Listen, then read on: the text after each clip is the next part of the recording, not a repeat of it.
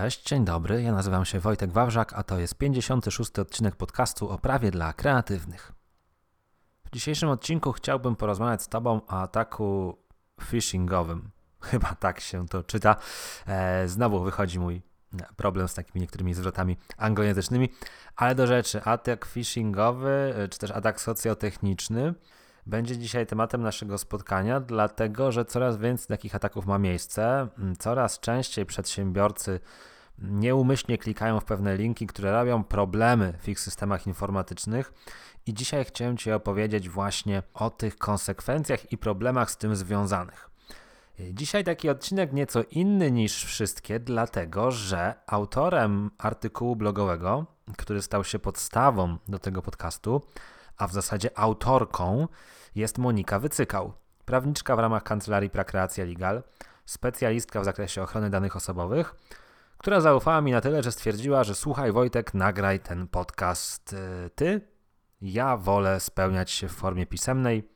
Ty sobie tam dogrywaj, co sobie mm, się rzewnie podoba. Byle to oczywiście było merytorycznie i nie godziło w to, co mm, zawieram w artykule. Więc y, działam i nagrywam i opowiadam Ci dzisiaj właśnie o ataku phishingowym. I może po prostu zacznijmy w ogóle od tego, czym jest ten atak. O co tutaj chodzi? No chodzi tutaj o tego wszystkiego rodzaju wiadomości, które w jakiś sposób podszywają się pod jakieś ważne dla Ciebie rzeczy, czy też nieważne, a po prostu interesujące. Przykładowo dostajesz jakiegoś maila, że czeka na Ciebie paczka, kliknij w link, żeby ją przekierować, albo proszę sprawdzić fakturę, rozliczenie przesyłam w załączniku, albo proszę się zalogować na stronę banku, bo oto trzeba zmienić hasło. Te maile są lepszej, gorszej jakości, kiedyś były bardzo słabej jakości i bardzo łatwo było rozpoznać, że mam do czynienia z taką próbą wyłudzenia. Teraz bywa różnie, te maile coraz bardziej są mm, dopracowane i coraz łatwiej, szczególnie w codziennym pośpiechu takim zawodowym, pracy codziennej, coraz łatwiej w takiego maila nieopatrznie kliknąć.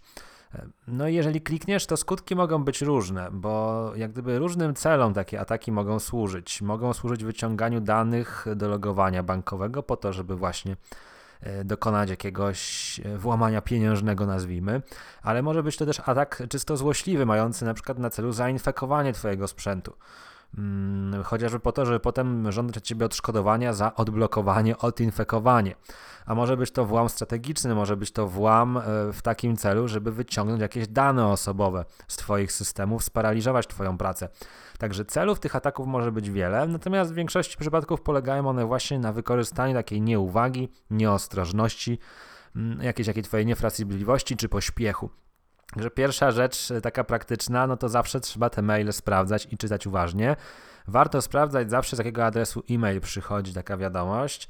Warto też zawsze sprawdzać w oficjalne komunikaty, czy to banków, czy tych dostawców, pod których ktoś się podszywa, żeby przekonać się, czy akurat rzeczywiście w danej chwili w ogóle oficjalna instytucja nie prowadzi jakiejś akcji informacyjnej przestrzegającej przed tego typu praktykami, bo niestety zdarza się to już coraz częściej.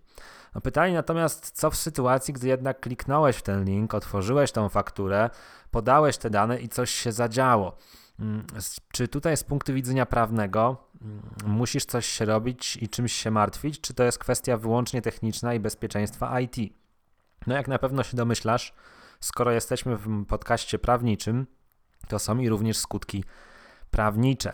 Te skutki prawnicze wynikają z tego, że bardzo często ataki no, jakby torpedują pewne działania w zakresie danych osobowych, bądź działają wprost, wprost mają na celu dostęp do danych osobowych nieautoryzowany, czyli no, wejście w posiadanie przez podmiot nieuprawniony jakichś danych osobowych, których ten podmiot nie powinien posiadać i przetwarzać, ale również y, mogą torpedować Twoje skorzystanie z tych danych, czyli mogą wprawdzie nie wchodzić w posiadanie danych, ale mogą sprawić, że na przykład Twój system informatyczny przez jakiś czas będzie niesprawny i Ty nie będziesz mógł wykonywać operacji na danych osobowych. I tutaj pamiętaj, mm, incydentem w zakresie ochrony danych osobowych, naruszeniem ochrony danych osobowych nie tylko jest wyciek danych. Naruszeniem danych osobowych może być również niemożliwość przetwarzania danych, utrata dostępności do nich. No wyobraź sobie, że na przykład pada system medyczny szpitala i nagle się okazuje, że przez kilka godzin nie możemy realnie obsługiwać pacjentów, nie mamy dostępu do ich danych, do ich przebiegu choroby, okazuje się, że nie możemy im pomóc. Więc sam fakt braku dostępności do danych osobowych jest już naruszeniem ochrony danych osobowych. Więc w pierwszej kolejności, kiedy już padniesz ofiarą takiego ataku, no warto, żebyś zastanowił się, jakie są jego skutki i sprawdził, jakie są jego skutki. Owszem, nie zawsze będziesz w stanie zrobić to samodzielnie. Jeżeli na przykład pracujesz, jesteś pracownikiem w jakiejś firmie, to w pierwszej kolejności powinieneś poinformować o tym swojego przełożonego. Powinieneś również poinformować osoby z działu IT, czy w ogóle osoby techniczne, że się coś takiego stało. Niektórych organizacjach, tam gdzie będzie wyznaczony inspektor ochrony danych osobowych, tak zwany JODO, no powinieneś uderzyć również tego JODO, bo, bo on będzie miał gdyby największą wiedzę mm, w zakresie systemu ochrony danych osobowych i najszybciej będzie mógł jak gdyby podjąć jakieś kroki, zdiagnozować w jakich rejonach mamy problemy. No i teraz w zależności od tego, w jakich rejonach mamy te problemy, mm, różne mogą być dalej kroki. Po pierwsze, zawsze musisz pamiętać, że naruszenie ochrony danych osobowych potencjalnie podlega zgłoszeniu do PłoDO, czyli do prezesa Urzędu Ochrony Danych Osobowych. Jeżeli doszło do ataku mm, i w wyniku tego ataku diagnozujesz jakiś wpływ na przetwarzanie danych osobowych, diagnozujesz to naruszenie ochrony danych osobowych, to potencjalnie uruchamia się obowiązek zawiadomienia Urzędu Ochrony Danych Osobowych, co więcej w ciągu 72 godzin od wykrycia takiego naruszenia. Ten obowiązek wprawdzie nie jest taki bezwzględny, bo są przesłanki, które pozwalają ocenić, że takie zgłoszenie nie będzie mm, konieczne. Mówi się tutaj, że mm, zgłoszenie nie jest konieczne, gdy jest mało prawdopodobne, aby to zdarzenie szkodzące skutkowało ryzykiem naruszenia praw lub wolności osób fizycznych. Tylko wiesz, mm, jak ocenić to prawdopodobieństwo? To jest strasznie trudne, a ewentualne ryzyko, a w zasadzie nie ewentualne, tylko po prostu ryzyko związane z błędną decyzją, polega na tym, że jeżeli źle ocenisz to prawdopodobieństwo i nie dokonasz zgłoszenia, a potem wyjdzie to, to, naruszenie na jaw i urząd będzie miał odmienną od ciebie ocenę, no to dopuściłeś się przewinienia, za które możesz zostać ukarany. Więc tak naprawdę w praktyce lepiej wychodzić z założenia, że niemal każde naruszenie ochrony danych osobowych powinniśmy zgłaszać z takiego po prostu poczucia bezpieczeństwa. Mm, takie zgłoszenie jak gdyby składa się w formie elektronicznej za pomocą e, specjalnego formularza, który znajdziesz na stronie prezesa Urzędu Ochrony Danych Osobowych, czyli tego magicznego płodo. I wiadomo, mm, mamy do czynienia z taką instytucją trochę powiedzmy samodonosu, czyli ja sam melduje komuś, że doszło do naruszenia ochrony danych osobowych. No i tu od razu pojawia się taka pokusa, że skoro jest to samo donos, to może lepiej na siebie nie donosić, bo nikt się nie dowie. No i to jest bardzo złudne, bo najczęściej e, kiedyś to w naruszenie wyjdzie i w sytuacji, w której ty nie zrobisz tego zgłoszenia, no możesz do, ponieść do bardziej dotkliwą karę. Bo jak gdyby, gdy zgłosisz, to prezes Urzędu Ochrony Danych Osobowych będzie brał tą okoliczność zgłoszenia, powiedzmy, jako pewną okoliczność łagodzącą. Okoliczność łagodzącą oczywiście mm, w kontekście tego, co prezes Urzędu Ochrony Danych Osobowych w ogóle może zrobić. Bo jeżeli ty mu zgłosisz naruszenie, no to prawdopodobnie on podejmie jakieś działania wyjaśniające. Mm, e, będzie chciał od ciebie uzyskać jakieś dalej idące informacje. Kiedy doszło do ataku? W jaki sposób doszło do ataku? Jakie są jego skutki? Jakie dane ewentualnie wyciekły, a może nie wyciekły, tylko właśnie było naruszenie mm, dostępności do tych danych? Jakie środki zaradcze podjąłeś? Mm, jak się zachowałeś w takiej sytuacji. I jak gdyby komplet tych wyjaśnień będzie takim materiałem dla prezesa urzędu, co z tym fantem dalej zrobić. Więc jeżeli już zgłaszasz takie naruszenie, to pamiętaj, żeby potem współpracować z tym organem, z tym Urzędem Ochrony Danych Osobowych, reagować na jego pisma, dostarczać mu te swoje materiały, które zgromadziłeś w związku z tym incydentem być takim aktywnym i proaktywnym, bo to w razie podjęcia przez płodo mm, decyzji mm, o jak gdyby powiedzmy ukaraniu cię, e, będzie brane jako okoliczność łagodząca.